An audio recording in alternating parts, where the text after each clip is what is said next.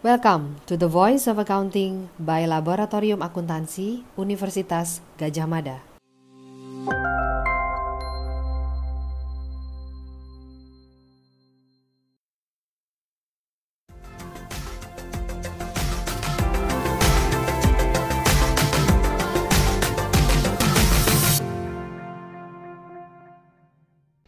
Halo semua, selamat datang kembali di bagian 2 podcast mengenai UU HKPD dengan narasumber Mas Aditya Perdana dan juga Dr. Icuk Bawono. Mas Aditya adalah seorang praktisi dan advokat yang banyak membantu Pemda terkait dengan undang-undang pajak daerah dan juga retribusi daerah. Sedangkan Pak Icuk, beliau adalah seorang dosen di Universitas Sudirman. Beliau memiliki keahlian di bidang akuntansi publik dan menguasai terkait dengan perpajakan daerah. Bersama kedua pembicara, kita masih akan bicarakan terkait dengan pajak daerah dan retribusi daerah dalam perspektif Undang-Undang Nomor 1 Tahun 2002 tentang hubungan keuangan antara pemerintah daerah pusat dan pemerintah daerah atau dikenal sebagai UU HKPD. Kita akan meneruskan diskusi kita terkait dengan Undang-Undang HKPD, kita sudah bersama membahas segmen 1 terkait dengan UU HKPD dan segmen 2 terkait dengan pajak daerah dan juga retribusi daerah dalam UU HKPD. Di bagian 2 ini, kita akan meneruskan apa yang belum selesai kita diskusikan terkait dengan option.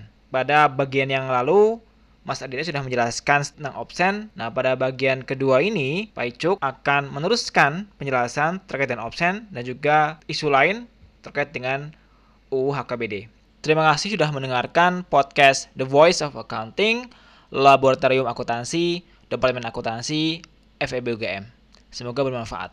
Terima kasih. Aduh, ini seru banget memang kalau kita bicara option ini ya. Ya, memang harapannya nanti dalam PP Kementerian Keuangan akan menguangkan itu dengan sangat-sangat uh, bijak karena begini uh, ini perlu koordinasi tidak hanya provinsi tetapi juga kabupaten kota. Karena opsen ini kalau sifatnya masih sama seperti bagi hasil ya itu yang kita tanyakan gitu. Kenapa uh, apa namanya dibuat opsen tersendiri. Tapi uh, kami tetap berharap bahwa memang akan ada solusi yang terbaik ya terhadap hal tersebut. Karena opsen ini kalau memang masih sama berarti akan ada pembagian antara uh, provinsi dengan kabupaten kota.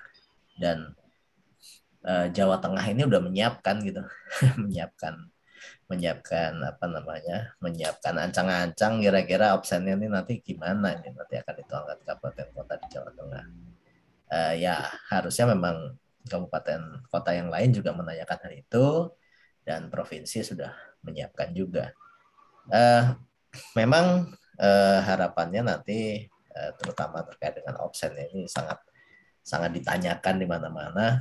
Ini bisa bisa lebih memberikan uh, apa ya namanya lebih memberikan uh, sinergi strategi pemungutan yang baik antara uh, kabupaten kota dengan provinsi Pertama kan kita lihat biasanya pada PKB ya, PKB sama ya balik nama kendaraan bermotor. Nah, ini malah sekarang ada opsi terkait dengan MBLB. Nah, offset MBLB ini kan lebih di uh, lebih ditekankan terkait dengan izin ya. Izin ini makanya kan uh, sering terjadi permasalahan MBLB di daerah di kabupaten kota di mana izinnya itu harus di provinsi begitu. Padahal kejadiannya ada di kabupaten kota. Nah, ini masalah izin. Tetapi pajak itu harus berbeda dengan izin. Ketika kita mengatakan bahwa pajak itu terhadap barang dan jasa, tidak berizin pun bisa dipungut pajak. Nah, itu yang yang yang perlu harus kita harus kita apa harus kita sadari gitu ya bahwa Wah ini menarik pak. Tidak ya. berizin dikenai pajak bisa. Tidak ya? berizin pun bisa dipungut pajak dan harus dipungut pajak karena memang barang dan jasa yang diinikan. Tidak berizin harus dipungut pajak mas. Artinya begini, ini bukan melanggar aturan karena definisi dari pajak itu sendiri adalah pungutan kepada warga negara. terhadap barang dan jasa. Lah problemnya ini adalah teman-teman di kejaksaan, teman-teman kakak-kakak kita lah ya, ada kak jaksaan, kak PK, eh, kak polisian gitu ya. Itu eh, tidak bisa disalahkan karena memang yang dipegang adalah rule, peraturan, izin. Gitu ya. Tetapi Pemda terkait dengan pajak daerah ini harus memegang terkait dengan barang dan jasa. Jadi tanpa izin pun ini harus dipungut. Nah, ini yang yang serunya ini di sini nih.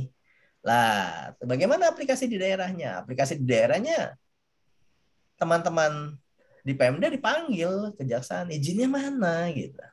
Nah, ini mungkin Opsen ini juga kemudian opsen MBLB ini menjadi salah satu solusi yang kami lihat begitu.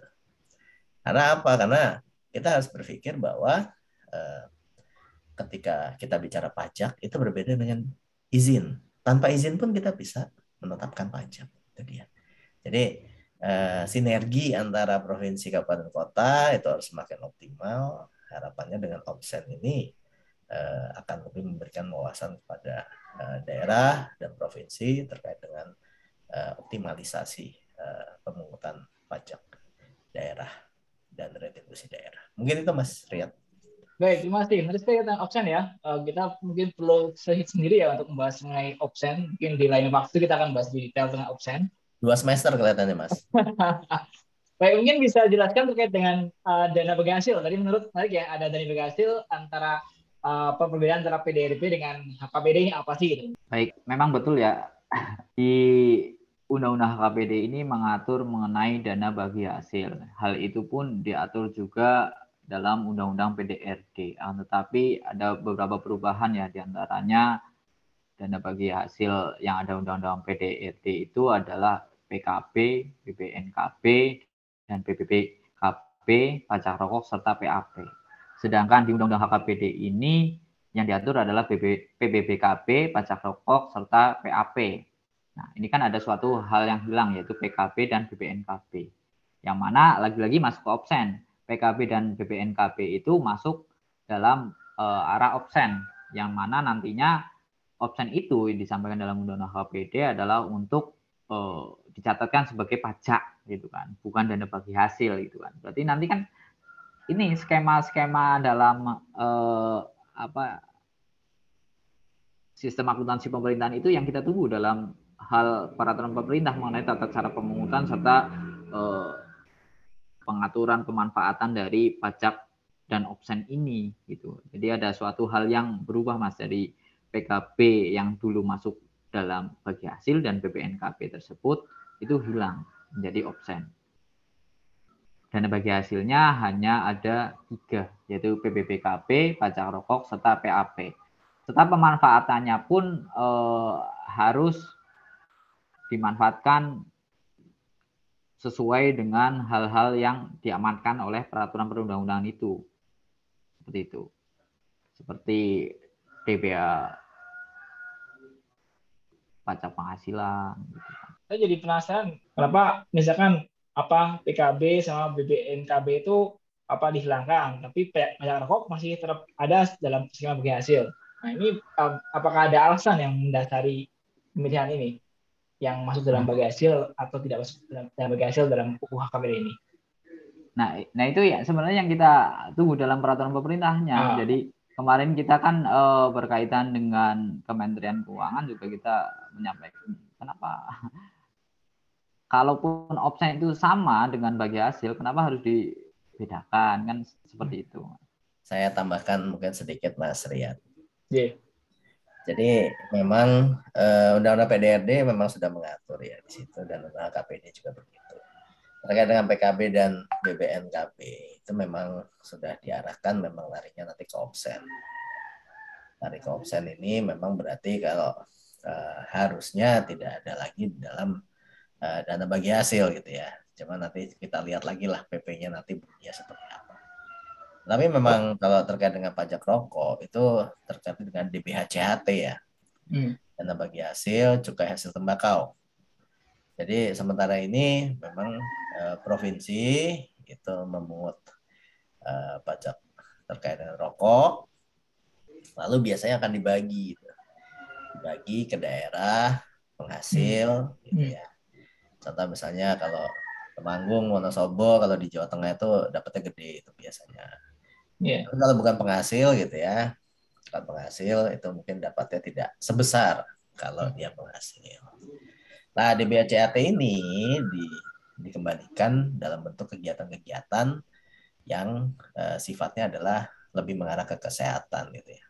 Sebagai contoh aturan terbaru sekarang untuk di BCAT kan 40% harus ada di dinas apa, dinas kesehatan gitu ya. Lalu ada 20% terkait dengan sosialisasi, lalu ada beberapa persentase-persentase lainnya terkait dengan uh, DBACAT. Nah, eh, pajak air permukaan memang ini PAP gitu ya. PAP memang sedikit berbeda dengan pajak eh, air tanah gitu ya yang ada di kabupaten kota. Tetapi memang eh, ada, kenapa ini masih tetap ada? Karena ada beberapa industri yang masih pakai dua fasilitas itu gitu. Contohnya adalah kalau kita bicara di Tegal gitu ya, Tegal. Tegal itu ada pabrik es gitu ya, pabrik es di area Pantura gitu ya. Itu dia pasti pakai PAP air permukaan dan pakai air tanah gitu. Jadi dua-duanya dipakai. Sehingga eh, daerah juga harus memapping gitu, memapping tetap eh, masing-masing terhadap air permukaan maupun air tanahnya. Walaupun memang eh, tidak besar terkait dengan PAP dan pajak tanah, tapi tetap itu pemasukan yang cukup ya ibaratnya cukup seksi lah ya, cukup seksi bagi Pemda untuk bisa melakukan uh, hal tersebut. Nah ini yang kemudian memang uh, menjadi pertimbangan kenapa ada yang dilakukan, ada yang disederhanakan, ada- tetap ada. Nah, mungkin itu Mas Rian. Baik, terima kasih penjelasannya terkait dengan pajak ya. Mungkin kita sedikit masuk terkait dengan retribusi, Pak. Uh, bisa jelaskan terkait dengan struktur retribusi dalam UHKPD sedikit dan juga tentang pengaturannya. Oke, baik. Eh, jadi struktur retribusi daerah dalam HKPD ini, retribusi daerah dalam Undang-Undang PDRT itu ada 32. Sedangkan di HKPD itu hanya ada 18. Nah, ini ada hal-hal yang eh, dihapuskan. Terkait eh, jenisnya yaitu tetap masih ada tiga, yaitu jasa umum, jasa usaha, serta perizinan tertentu. Akan tetapi eh, terhadap pengelompokan tersebut jenis-jenisnya menjadi ada perubahan seperti jasa umum yang mana hanya ada lima, yang dulunya ada 15 nih mas, sekarang hanya ada lima. Hanya ada Hmm. pelayanan kesehatan, pelayanan kebersihan, pelayanan parkir di tepi jalan umum, pelayanan pasar, serta pengendalian lalu lintas. Sedangkan jasa usaha sama, masih sama dengan eh, di Undang-Undang Pajak Daerah dan Retribusi Daerah, tetapi ketika membahas retribusi perizinan tertentu hanya ada tiga jenis pelayanan izin, ya izin yaitu izin persetujuan bangunan gedung atau yang dulu dikenal dengan IMB. IMB kan dirubah melalui Hmm. Undang-Undang Cipta Kerja. Nah, itu masih tetap diakomodir dalam eh, Undang-Undang HKPD ini. Lalu ada izin PTKA atau perpanjangan, IMTA serta pengelolaan pertambangan rakyat kita juga masih eh, menunggu karena kemarin juga waktu komunikasi dengan Kementerian Keuangan ada dari Sumatera yang menyampaikan ada berkaitan dengan perkebunan sawit. Apakah bagaimana mekanisme terkait retribusi ini? Ya, ini menarik ya. terkait struktur dari Kalau yang sawit itu sendiri se- ah, sebelum ada UHKPD ini bagaimana? Apakah Pemda itu dapat atau sebenarnya belum mendapatkan uh, bagian terkait dengan sawit ini? Eh, Kalau melihat dalam Undang-Undang PDRT memang masih belum ya, Undang-Undang yang lama Hmm. ya. Dan Undang-Undang HKPD pun sampai saat ini memang belum dan mungkin akan di, eh, ditambahkan dalam peraturan pemerintahnya. Baik. Kita juga masih tunggu. Nah, Tapi seperti izin gangguan memang hilang. Biaya cetak KTP segala macam hilang. Kan seperti itu. Izin trayek kan tetapi ya itu masih yang perlu Hmm. lagi-lagi perlu digarisbawahi terkait retribusi retribusi itu kan langsung ya eh, dapat man- masyarakat dapat menikmati langsung manfaatnya. Nah itu ketika masyarakat menikmati dan retribusi dihilangkan bukan berarti pemerintah daerah itu menghilangkan uh, kewajiban untuk melakukan pelayanan kepada masyarakat.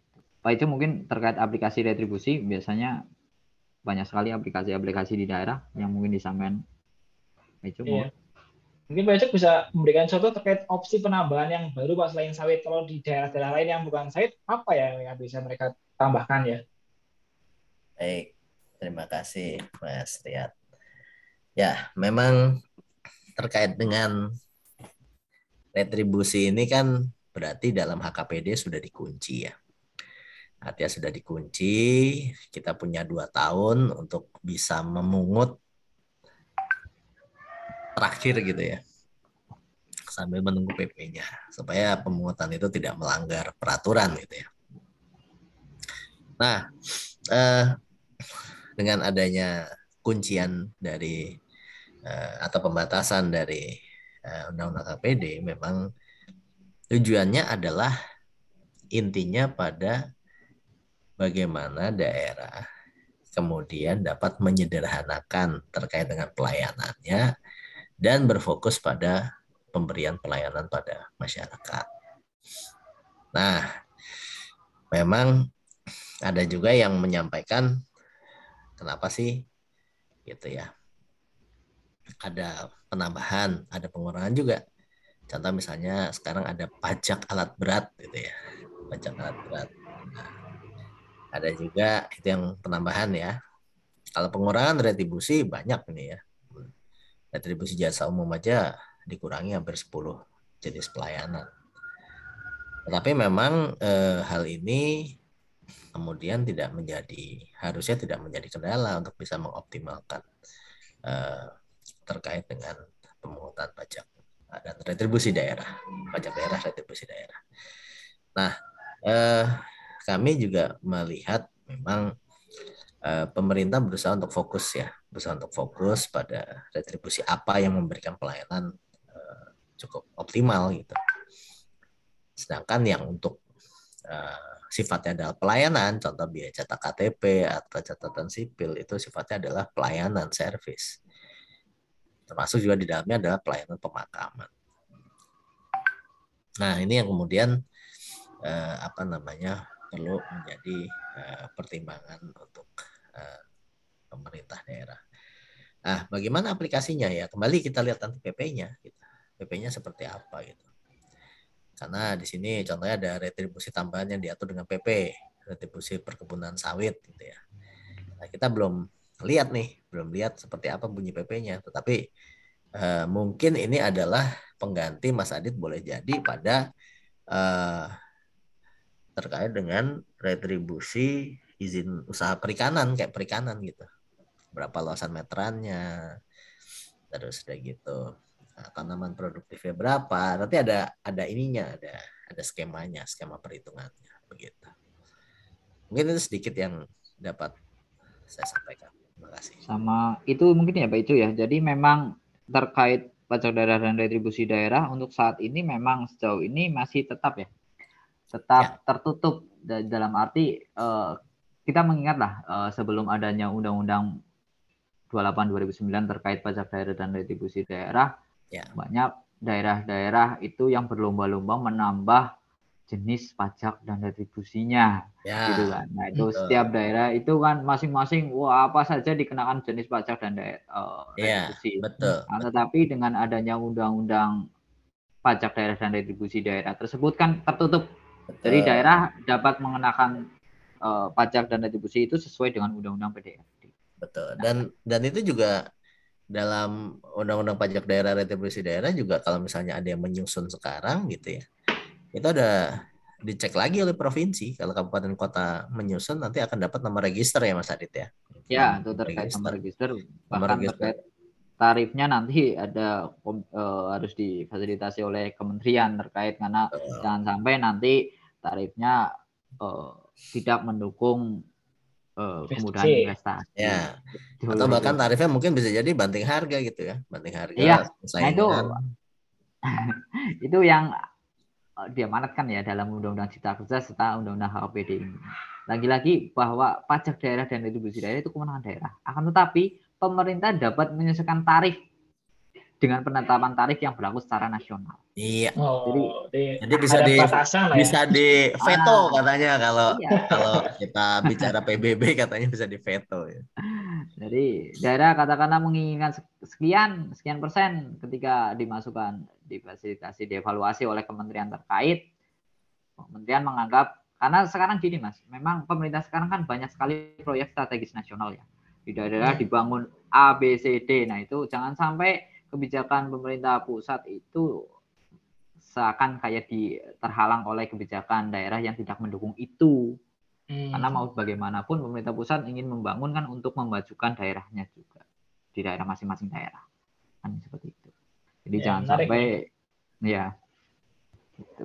Cuma terkait hal itu lagi terkait retribusi ada selain sawit ada tambahan lagi enggak? Ya kita masih tunggu PP karena daerah tidak dapat eh, apa namanya menambahkan lagi eh, sepanjang tidak diatur di atasnya. Karena Hmm. beda beda skema ya dengan yang lama sebelum ada pajak daerah kan memang ada keleluasan untuk daerah untuk menambah jenis pajak dan retribusi gitu. Apa saja dikenakan dikenakan. Sekarang kan tidak bisa. Kita harus mengikuti aturan pusat. Apakah itu dapat diimplementasikan di daerahnya? Kalau dapat berarti bisa dipakai. Ketika tidak berarti tidak digunakan. Gitu. Akan tetapi ada yang belum masuk tapi tidak diatur di atasnya berarti tidak boleh. Kan seperti itu. Baik, baik. Perbedaannya di situ. Baik, menarik sekali. Uh, seperti yang Pak Icuk bilang, perlu dua semester ya untuk belajar ini mungkin ya. Ya, Hmm. kita akan apa masuk ke segmen terakhir, segmen yang ketiga. Ini segmen terakhir yang akan bahas mengenai aspek pemotongan pajak dan retribusi daerah, serta isu lain ya. Saya yakin pendengar ingin tahu eh, bagaimana UU HKBD bisa memperkuat kebijakan PDRD ini. Tadi kita sudah singgung sedikit, nah mungkin bisa dipertegas lagi. Eh, silakan. terkait eh, kita masuk terkait dengan pengaturan pajak daerah ya. Di antaranya ada dalam berkaitan pembahasan mengenai sinergi penghutang provinsi dan kabupaten kota itu melalui opsen. Nah, opsen ini kita yang masih tunggu bagaimana pengaturan pelaksananya. Yaitu karena seperti tadi kita bahas bahwa opsen itu eh, tidak menambah beban wajib pajak dalam penjelasan, tetapi di ketentuan umum adalah eh, tambahan pungutan pajak atas persentase tertentu. Itu ya nantilah terkait teknisnya seperti apa. Sedangkan opsen sendiri itu terdiri dari PKP, BPNKP, dan juga ada MBLP. MBLP yang tadi sudah disampaikan Pak Ijo berkaitan dengan penerbi- penerbitan dan pengawasan izin. Nah, dalam hal ini adalah untuk menyendirikan antara provinsi dan eh, kabupaten kota, walaupun ketika dilihat mungkin mungkin yang dimaksud skema bagi berbeda dengan bagi hasil mungkin skema terkait akuntansinya ya tapi pemasukan-pemasukan apakah ini masuk dalam struktur APBD-nya dalam dana bagi hasil atau perpajakan pendapatan atas perpajakan itu yang itu yang sangat teknis sekali sampai dengan APBD ya kan tetapi secara eh, umum saya rasa option ini kok tidak jauh berbeda dengan dana bagi hasil. Nah, lalu terkait pengaturan pajak daerah sendiri juga ada yang namanya PBJT yaitu berkaitan dengan barang jasa tertentu yaitu adanya eh, reklasifikasi dari lima jenis menjadi satu jenis yaitu pajak hotel, restoran, hiburan PBJ dan parkir itu sekarang menjadi pajak barang dan jasa tertentu. Yang tujuannya ya, di antaranya adalah mempermudah administrasi perpajakan dan pelaporan, meningkatkan efisiensi layanan perpajakan dan pengawasan dari sisi Pemda dan eh, terakhir mengenai PBJT itu yaitu adalah perluasan objek yaitu adanya valet parkir dan rekreasi. Nah ini valet-valet itu kan masih yang lama masih belum diatur ya. Nah, sekarang sudah mulai dimasukkan. Nah di samping itu juga eh, green policy-nya adalah kendaraan bermotor. Nah, sekarang kan apa-apanya hybrid ya. Itu berbasis energi terbarukan itu masih dikecualikan dari PKB dan BPNKB. Dalam hal ini adalah untuk mendukung program percepatan kendaraan bermotor listrik berbasis baterai. Nah ini untuk apa namanya biar nggak semakin panas ya eh, bumi ini jadi migasnya eh, konsumsi atas migas itu di apa diperkecil ya dengan cara untuk mengalihkan menjadi berbasis listrik dan baterai itu. Sehingga kendaraan-kendaraan yang menggunakan itu masih ada relaksasi ya, tidak dikenakan. Serta NJKP lebih tinggi untuk kendaraan bermotor fosil yang menghasilkan emisi lebih besar. Nah, selain itu juga eh, pengaturan terhadap pajak daerah ini adalah adanya dukungan pada usaha mikro dan ultramikro. Nah, insentif fiskal dapat diberikan kepada wajib pajak pelaku usaha dengan kriteria tertentu, termasuk usaha mikro dan ultramikro. Kita lihat juga bahwa di beberapa tahun ini memang setelah ada PP 10 2021 ya, kriteria usaha mikro itu juga sudah berbeda. Yang dulu usaha mikro dalam undang-undang itu maksimal 50 juta, sekarang usaha mikro sampai dengan satu miliar. Nah, sekarang kan berarti di bawah satu miliar itu termasuk dalam uh, golongan usaha-usaha mikro. Nah, dalam hal ini uh, saya rasa pemerintah memang tidak terlalu mengambil keuntungan dulu ya dalam kutip. Yang penting bangsa dan masyarakat ini silakan berusaha. Berusaha karena ketika usaha usaha yang ada di Indonesia itu lebih banyak dan lebih masif serta maju itu akan uh, otomatis uh, menyerap tenaga kerja. Arahnya kan itu. Jangan sampai uh, katakanlah misalkan 50 juta itu masih usaha mikro tetapi banyak regulasi-regulasi yang uh, apa ya tidak memudahkan mereka Nah, itu kan otomatis mereka masih jalannya segitu-gitu aja. Berbeda ketika ada kemudahan terhadap eh, dukungan-dukungan pemerintah terhadap perusahaan mikro ini, mereka dapat memperluas usaha mereka sehingga dapat menyerap tenaga kerja lebih tinggi. Sehingga tingkat pengangguran di Indonesia itu lebih kecil. Baik. Mungkin terkait dengan PIB bagaimana? Uh, bagaimana apa HKP ini bisa memperkuat atau memberikan mungkin fleksibilitas ya saya dengar ya kepada Pemda ya. terkait yeah. dengan PBB. Di sini ada memperkenalkan assessment value EJKP 20% sampai 100%. Nah, ini bagaimana apa penjelasannya terkait dengan uh, pengaturan uh, PBB ya, pajak bangunan gitu di Undang-Undang HKPD. Jadi begini Mas Riyad. Assessment value NJKP nilai, nilai jual kena pajak 20% sampai dengan 100% itu adalah dipergunakan sementara ini untuk mengatasi adanya eh, kita sebut perbedaan gitu ya. Jadi Mas Riyad misalnya mau beli rumah nih. Eh, banyak orang yang bertransaksi, nah, Mas Riyad yang bertransaksi ini dasarnya di notaris itu adalah kesepakatan, harga kesepakatan gitu. Nah, harga kesepakatan ini boleh jadi di bawah di bawah NJOP Mas lihat Sehingga NJKP-nya ini menjadi kecil gitu. Hmm. Nah, dengan adanya assessment value ini maka kita bisa melihat bahwa eh, harga pasar ya boleh-boleh saja gitu ya, harga kesepakatan boleh-boleh saja, tetapi eh, ada kemudian penilaian dari Pemda atau dari uh, uh, biasanya bekerja sama dengan uh, uh, Direktorat Jenderal Pajak terkait dengan zona nilai tanah gitu, namanya ZNT. Gitu. Nah sehingga uh, terkait dengan hal ini untuk memudahkan gitu ya, dibuatlah assessment value gitu antara 20% sampai 100%. Nah, ini contohnya model semen value-nya nih, contohnya kayak kita misalnya gini. Pemda Jateng, eh sorry, eh, Pemprov Jateng. Nah, Pemprov Jateng. Ketika menilai pemakaian air permukaan, Pemprov Jateng itu menggunakan assessment value-nya adalah inci dari uh, pipa. Nah, inci dari pipa. Walaupun sebenarnya inci dari pipa tidak menjamin keakuratan gitu, tapi mendekati lah. Daripada kita ngitung gitu ya, kita ngitung terkait dengan uh, berapa sih sebenarnya pemakaiannya. Nah, gunakanlah akhirnya itu. Gitu. Walaupun assessment value kadang-kadang tidak bisa mendekati kenyataan, Tetapi itu akan menghindari ya, mengurangi lah, mengurangi potensi-potensi konflik antara Pemda dengan uh, dengan uh, masyarakat gitu. Karena kalau kita bicara di notaris biasanya kesepakatannya itu itu yang dituangkan notaris itu notaris nggak salah gitu. Notaris nggak salah contohnya ya udahlah sepakatnya segini gitu. Ya kita tuangkan gitu. Tapi ternyata ZNT-nya atau kita lihat kembali ke assessment value-nya eh, ternyata tidak. Nilai jual kena pajaknya tidak pas gitu. Jadi, karena apa?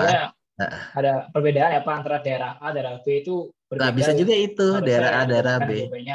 iya makanya ada zona nilai tanah tadi. Tapi bisa jadi juga karena begini Mas Riyad. NJOP-nya 10 gitu ya. Saya kesepakatan kalau kita bicara uh, 1320 ya syarat sahnya perjanjian itu kan hmm.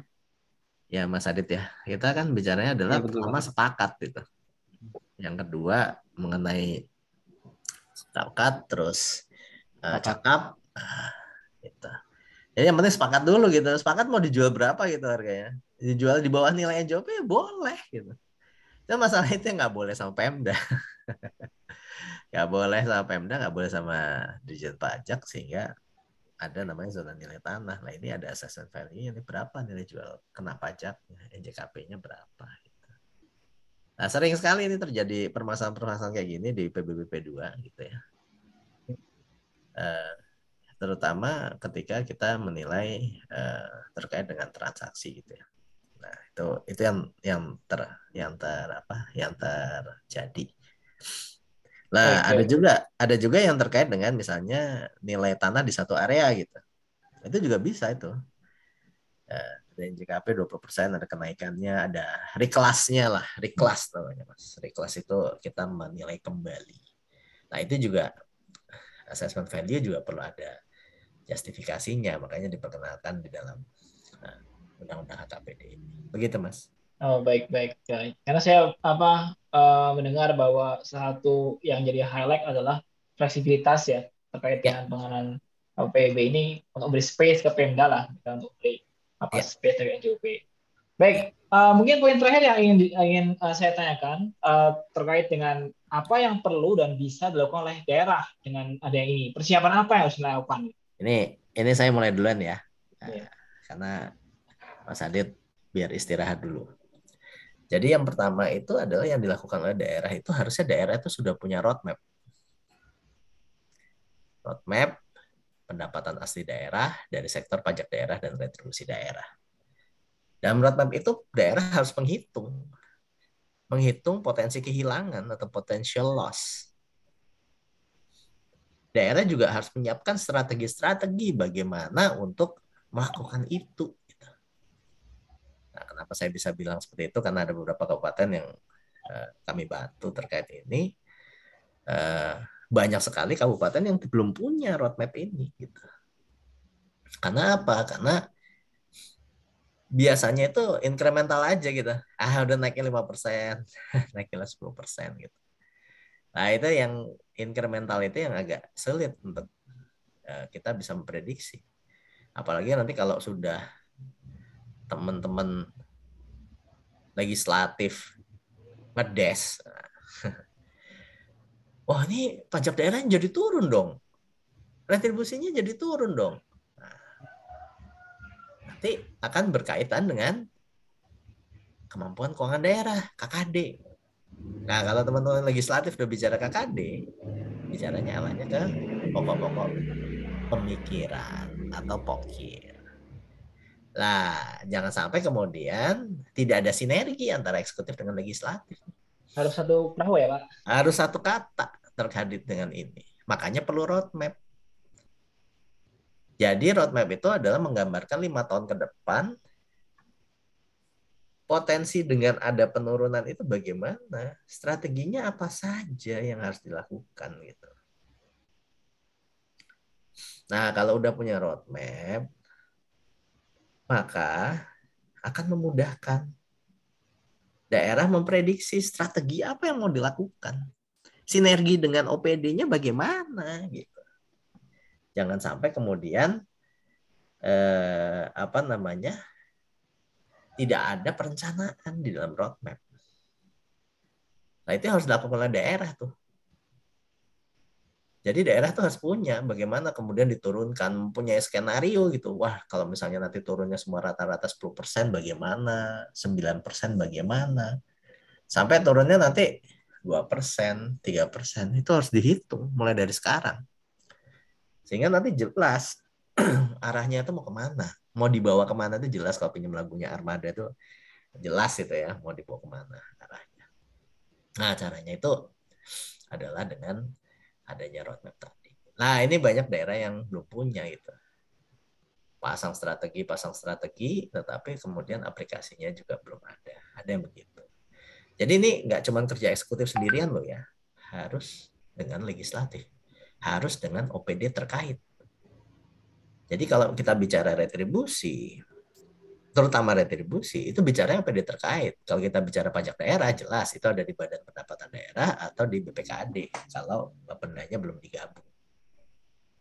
Jadi jelas itu, clear. Nah, berikutnya adalah ini tugasnya Mas Adit ini. Enara Perda.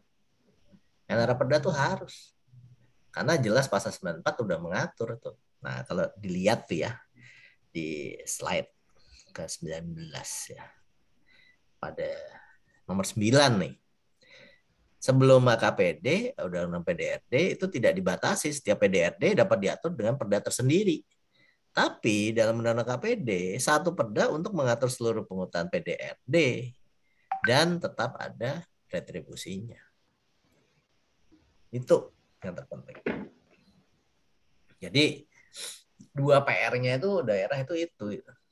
Jadi nanti jangan sampai tiba-tiba penerimaan daerahnya anjlok blok gitu nggak punya strategi. Masih ada dua tahun ini roadmap itu harus disusun. Nah, beberapa kabupaten sudah ada yang menyusun sudah ada yang punya roadmap tersebut. Nah, ini menjadi satu uh, advantages keuntungan. Karena bekerjanya ada strateginya. Bahkan nanti mungkin kalau pejabatnya berganti cukup lihat roadmap aja. Nggak perlu lagi belajar dari awal gitu oh target saya untuk tahun ini sekian gitu. Oh, eh, tahun 2022 diterapkan.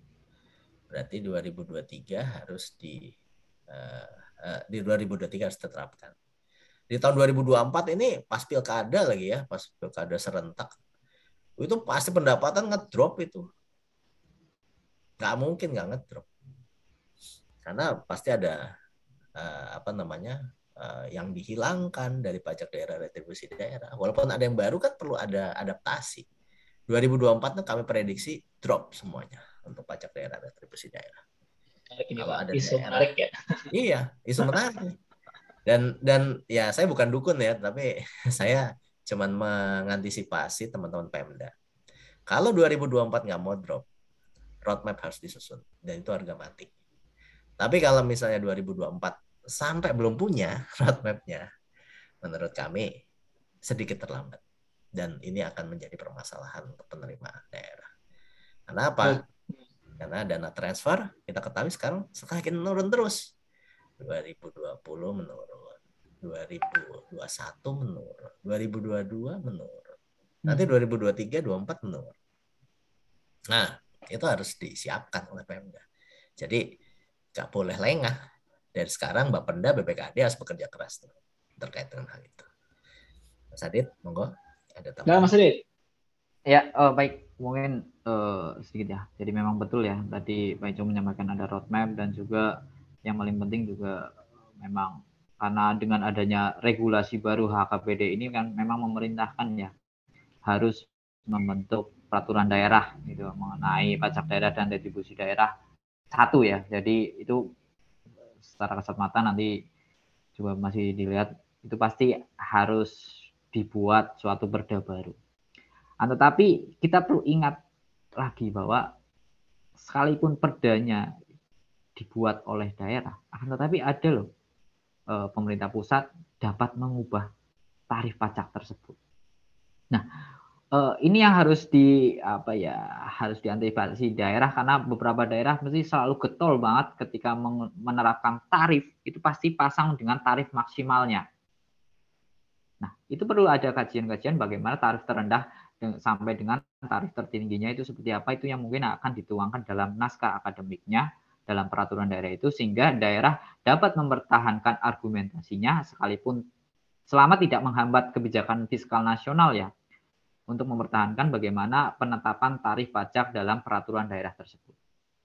Nah, selain itu juga eh, daerah juga eh, karena kita beberapa namping juga sering sekali ketika target dalam penerimaan pajak dan ataupun retribusi daerah tersebut itu selalu menggunakan target. Target itu hanya menambahkan berapa persentase dari e, realisasi tahun yang lalu gitu kan. Nah, dengan adanya ini harusnya sejauhnya mindset dari Pemda sendiri harus uh, dirubah lah, gitu kan. Jangan hanya menetapkan target-target atas uh, capaian realisasi tahun lalu, akan tetapi dilihat kita ini mau nurunkan loh. Dan ada beberapa potensi yang hilang sendiri dari retribusi, sehingga otomatis kan berdampak pada APBD. Sehingga kita harus melihat uh, target itu sesuai dengan potensi yang ada saja, gitu kan. Potensinya harus digali, benar-benar digali, jangan hanya melihat pada uh, sering sekali uh, beberapa menyampaikan hanya menggunakan intuisi. Yaitu realisasi tahun lalu dinaikkan berapa persen gitu kan. Berdasarkan inflasi berdasarkan ABC gitu kan. Akan tetapi tidak melihat potensi yang ada di daerah tersebut.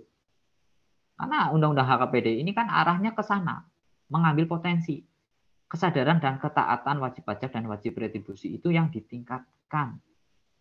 Mungkin itu yang harus uh, di apa ya diterima oleh Pemda lah. Ini tarif akan semakin turun. Nah, itu jangan sampai eh, pembiayaan di daerah itu menjadi terhambat sehingga benar-benar harus digali semaksimal mungkin.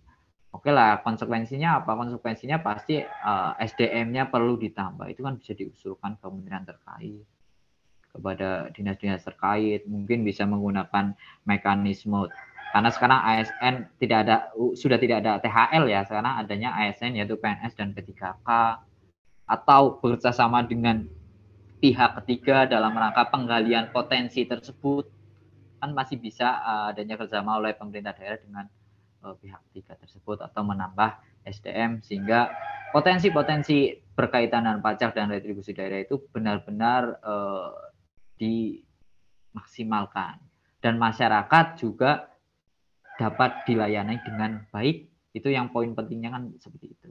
Ketika pelayanan kepada masyarakat baik, otomatis masyarakat tidak eh, apa ya tidak tidak keberatan sekali ya untuk membayar kewajibannya. Mungkin itu dari saya, Mas Liat. Terima kasih. Saya kira kita sudah mengcover seluruh uh, isu yang menarik ya yang kita bahas terkait dengan UHKPD. Tiga segmen sudah kita lalui. Saya akan mengakhiri podcast ini ya dengan ya memberikan ucapan terima kasih kepada Pak Icuk dan Mas Aditya atas waktu yang diberikan. Saya berharap kita bisa ngobrol di lain waktu, di sesi yang lain ya, nah. untuk isu-isu lain yang masih banyak perlu kita diskusikan, baik itu tentang HKBD maupun tentang isu-isu di publik lain. Siap, baik, Mas Adit. Baik, Icuk dan Mas Adit. Untuk pendengar, demikian podcast siang hari ini ya, yang membahas terkait dengan UHKPD.